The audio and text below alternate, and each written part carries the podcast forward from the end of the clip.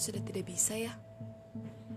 Beberapa waktu yang lalu, aku mendengar kabar bahwa ternyata kau sudah menetapkan diri untuk memilihnya.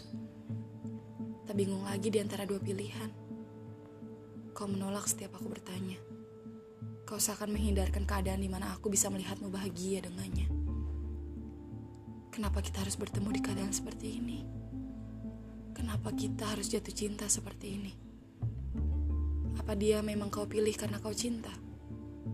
Apakah dia memang kau pilih karena kau nyaman?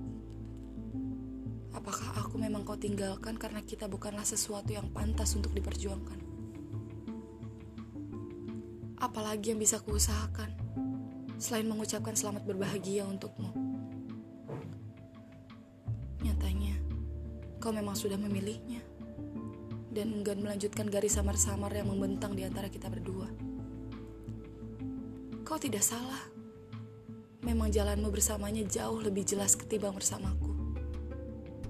Tapi, kenapa kata bahagia rasanya sulit sekali terucap ketika mendengar kabar kau tidak sendiri lagi?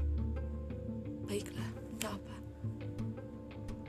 Jika pada akhirnya tetap bukan aku yang kau pilih untuk mendampingimu, semoga di tiap kau memejam mata, sosokku selalu ada.